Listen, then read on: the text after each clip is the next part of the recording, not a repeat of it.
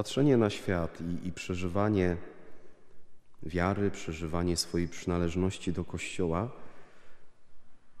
naprawdę jest y, uzależnione od tego, y, w jakim jestem środowisku, jakiego radia słucham, jakiej telewizji oglądam, po jakie y, strony internetowe sięgam, kogo obserwuję w mediach społecznościowych. I to jest naprawdę, kochani, możliwe, że można jakby bez własnej winy przeoczyć bardzo wiele bogactwa, które kryje się w chrześcijaństwie i w wierze, i wpaść też niejednokrotnie w takie tony malkontentstwa y, albo no, y, mieć poczucie, że, że coś się kończy. Ja jestem Panu Bogu bardzo wdzięczny, że ponad 20 lat temu do mojej rodzinnej parafii w Groszowicach posłał y, pewnego szalonego wikarego, przez którego dla mnie bardzo mocno rozpoczął się zupełnie nowy etap wiary. Taki etap, w którym mogłem odkryć takie przestrzenie w kościele, o których nikt mi na lekcjach religii nie mówił, których nikt nie był mi też w stanie pokazać w mojej rodzinnej parafii. I myślę, że te przestrzenie, które dla mnie były niesamowitym odkryciem, dzisiaj pięknie się też kryją e, w tej Ewangelii. To jest końcówka dziewiątego rozdziału i początek dziesiątego rozdziału Ewangelii świętego Mateusza, bo Pan Jezus mówi już bardzo jasno dla nas, do nas: Idźcie do owiec, które poginęły z domu Izraela. Idźcie do owiec, które poginęły z domu Izraela. Oczywiście w czasach apostolskich Jezusowi chodzi o wszystkich Żydów, którzy żyją bez przyjaźni z Panem Bogiem, którzy gdzieś w swoim życiu e, się pogubili, którym być może nikt w tamtych trudnych, dziwnych czasach pośród ponad 600, y, w tym zbiorze ponad 600 przykazań nie pokazał istoty y, religii i przymierza z Panem Bogiem. A dzisiaj żyjemy w takich czasach, że szczególnie w nauczaniu świętego Jana Pawła II było pięknie pokazane, że pośród nas Żyje bardzo wielu ludzi, którzy przyjęli kiedyś sakrament Chrztu Świętego, ale nie żyją swoją wiarą, nie praktykują jej. Więc jeżeli słyszymy od Jezusa, idźcie raczej do owiec, które poginęły z domu Izraela, to dzisiaj przypominamy sobie, że nowym Izraelem jest nasza Matka Kościół, a właśnie papieże, a szczególnie Jan Paweł II podpowiadają nam, że są rzesze ludzi, którzy mimo tego, że są z nazwy katolikami, nie mają osobistej więzi z Panem Jezusem, nie przychodzą do kościoła na mszę świętą i na nabożeństwa. I Jezus mówi nam: idźcie do nich, idźcie do nich. Ja muszę dotrzeć do ich serc. Zobaczcie, kochani, u nas według ostatnich badań statystycznych choć wiecie, że ja nie jestem y, miłośnikiem statystyk, ale mm, czasem trzeba te badania zrobić raz do roku. U nas, y, zgodnie z ostatnimi badaniami, 37% statystycznie praktykuje.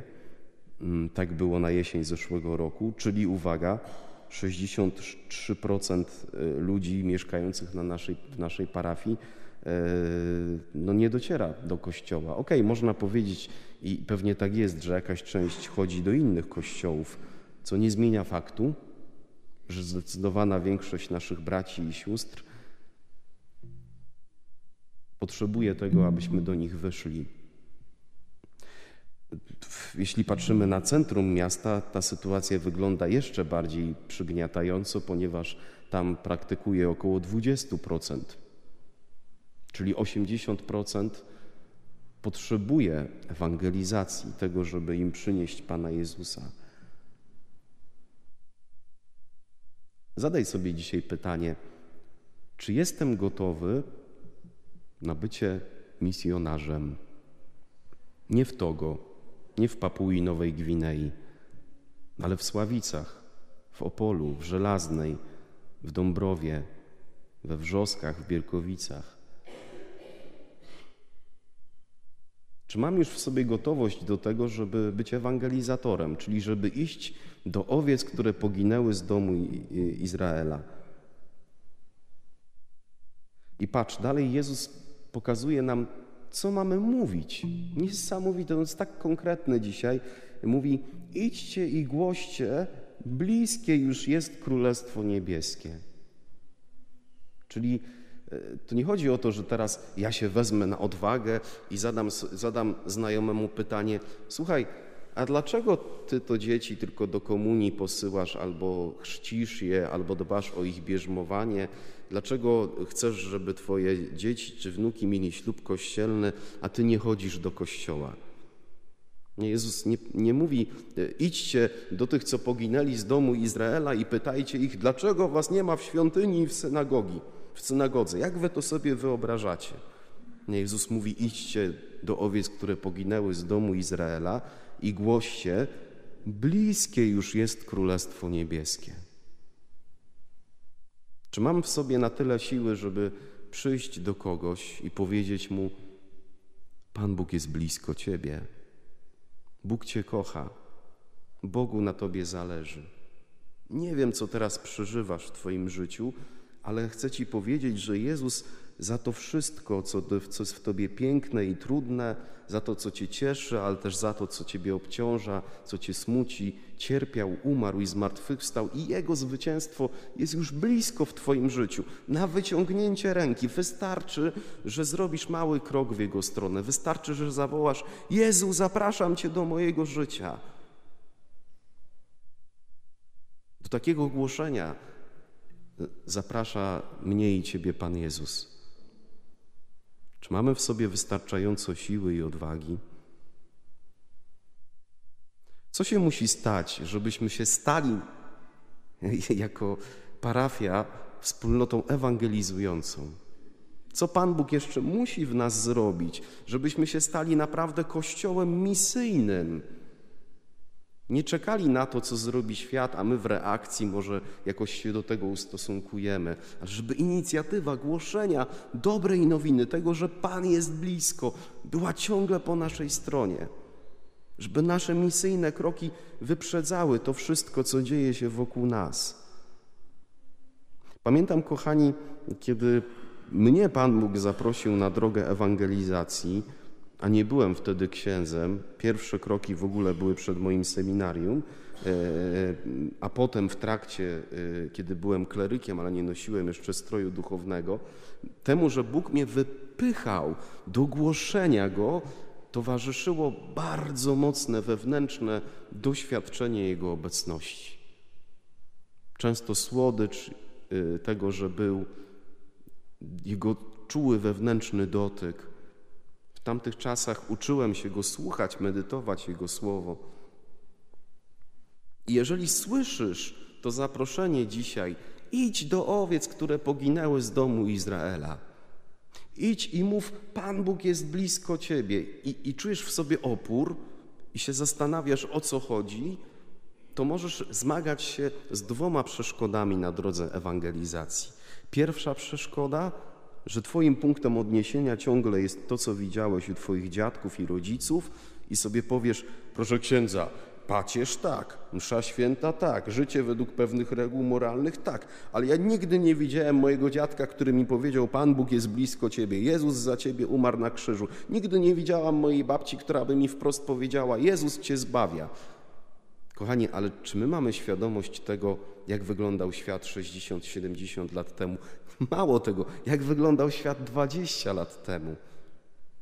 Czy my rzeczywiście widzimy to, że nasi rodzice, dziadkowie żyli w kulturze, w której można było chrześcijaństwem oddychać, a my dzisiaj żyjemy w ponowoczesności, gdzie wszystko jest płynne, gdzie wszystko się zmienia, ale gdzie my sami tak naprawdę, no właśnie, potrzebujemy i tutaj przechodzimy do tej drugiej przeszkody, która nam może e, ten e, gdzieś wewnętrznie uwierać, że nie będę umiał być misjonarzem, nie będę miał mentalności wychodzenia po tych, których nie ma, jeżeli będę zaledwie spełniał praktyki religijne, ale mojej modlitwie, mojemu uczestnictwu we mszy świętej nie będzie towarzyszyć głębokie, osobiste doświadczenie Boga.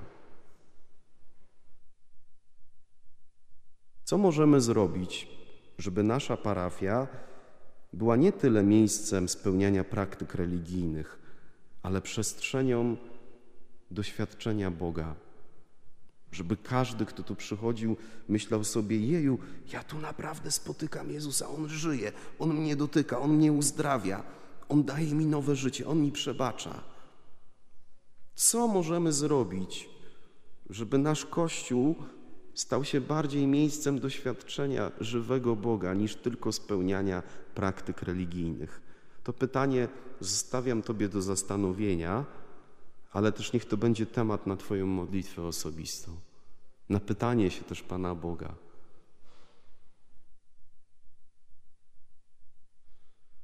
Kochani, ta Ewangelia dzisiejsza kończy się też bardzo mocno, bo Jezus mówi: Idźcie do owiec, które poginęły z domu Izraela, idźcie i głoście bliskie, już jest Królestwo Niebieskie, i potem uzdrawiajcie chorych, wskrzeszajcie umarłych, oczyszczajcie trędowatych, wypędzajcie złe duchy. To, to nie są przelewki. Zastanów się teraz, czy ty jesteś gotowy na to, że w twoim kościele ktoś może być uzdrowiony fizycznie? Czy ty jesteś gotowy na to, że ktoś przychodząc na mszę do twojego kościoła może wyjść i krzyczeć wszystkim: Doświadczyłem cudu, Pan Bóg jest wielki. Jak ty na to zareagujesz? Przytulisz go i powiesz: Panie, chwała Tobie, czy popatrzysz krzywo i powiesz, on, tak ta osoba jest nienormalna, takie rzeczy się nie dzieją, weź Ty lepiej tutaj grzecznie, klęknij, módl się, a nie wydziwiaj.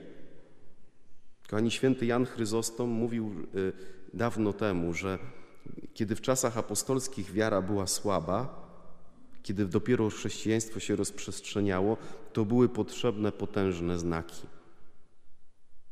Jeżeli dzisiaj widzimy kryzys wiary, i w jakiejś mierze też kryzys Kościoła, to trzeba przyjąć z całą mocą te słowa, które mówi dzisiaj do nas Jezus. Uzdrawiajcie chorych, wskrzeszajcie umarłych, oczyszczajcie trędowatych.